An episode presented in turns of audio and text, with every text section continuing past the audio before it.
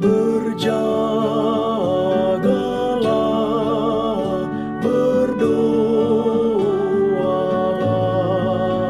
siang malam berjaga dan berdoa. Mari bersama Radio Advent Suara Pengharapan mengikuti pelajaran Alkitab melalui audio Sekolah Sabat.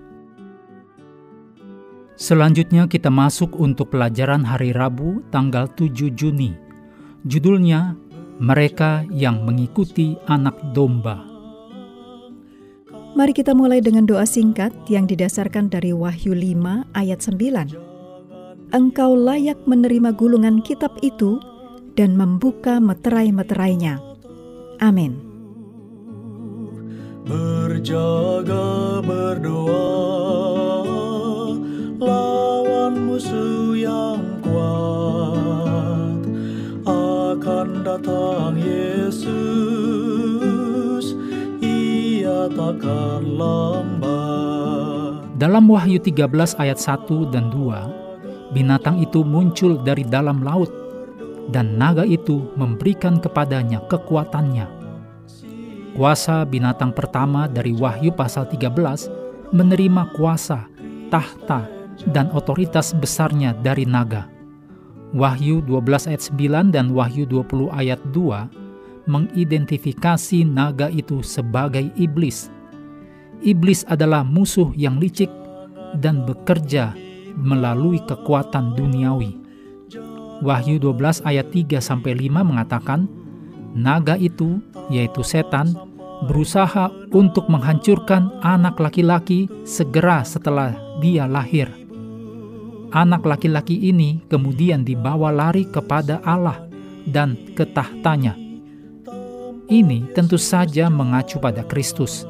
Karena ingin menghancurkan Kristus, iblis bekerja melalui Herodes dan kekaisaran Roma. Pada akhir kehidupan Yesus, seorang gubernur Romawi yaitu Pilatus, menghukum mati Kristus. Seorang algojo Romawi dengan kejam memakukan dia di kayu salib. Seorang tentara Romawi menikam dia dengan tombak, dan tentara Romawi menjaga makamnya.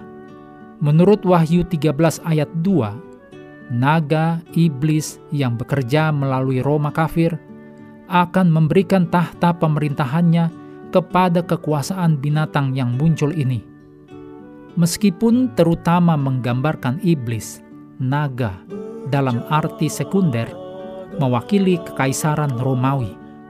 Kekuasaan yang menggantikan kekaisaran Romawi yang menerima dari naga kekuasaannya dan tahtanya dan otoritasnya yang besar jelas adalah Roma Kepausan.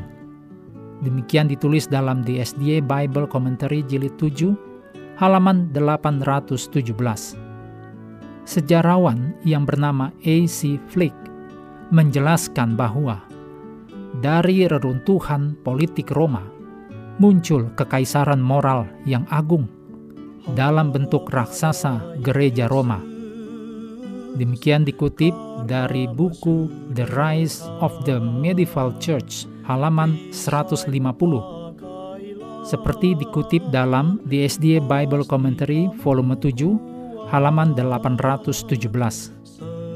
Wahyu pasal 13 ayat 3 menjelaskan tentang luka binatang mematikan yang sembuh. Dan Wahyu 14 ayat 4 tentang 144 ribu orang yang tidak mencemarkan dirinya dengan pengajaran palsu. Berbeda dengan seluruh dunia yang mengikuti binatang itu, Tuhan akan memiliki umat yang akan mengikuti anak domba.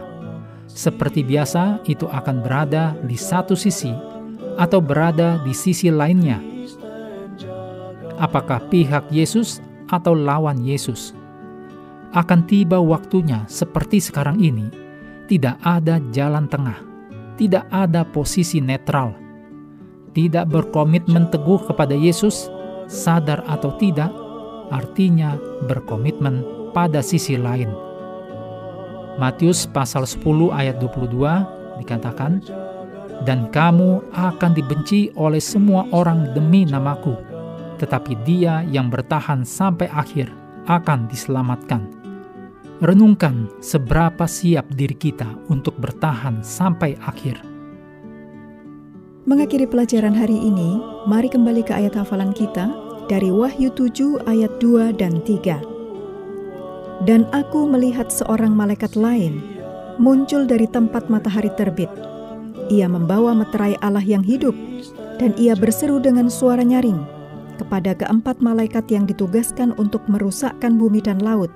Katanya, "Janganlah merusakkan bumi, atau laut, atau pohon-pohon." sebelum kami memeteraikan hamba-hamba Allah kami pada dahi mereka.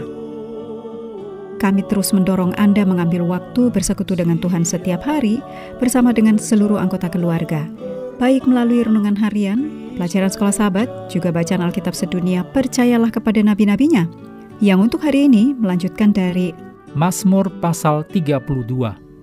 Tuhan memberkati kita semua.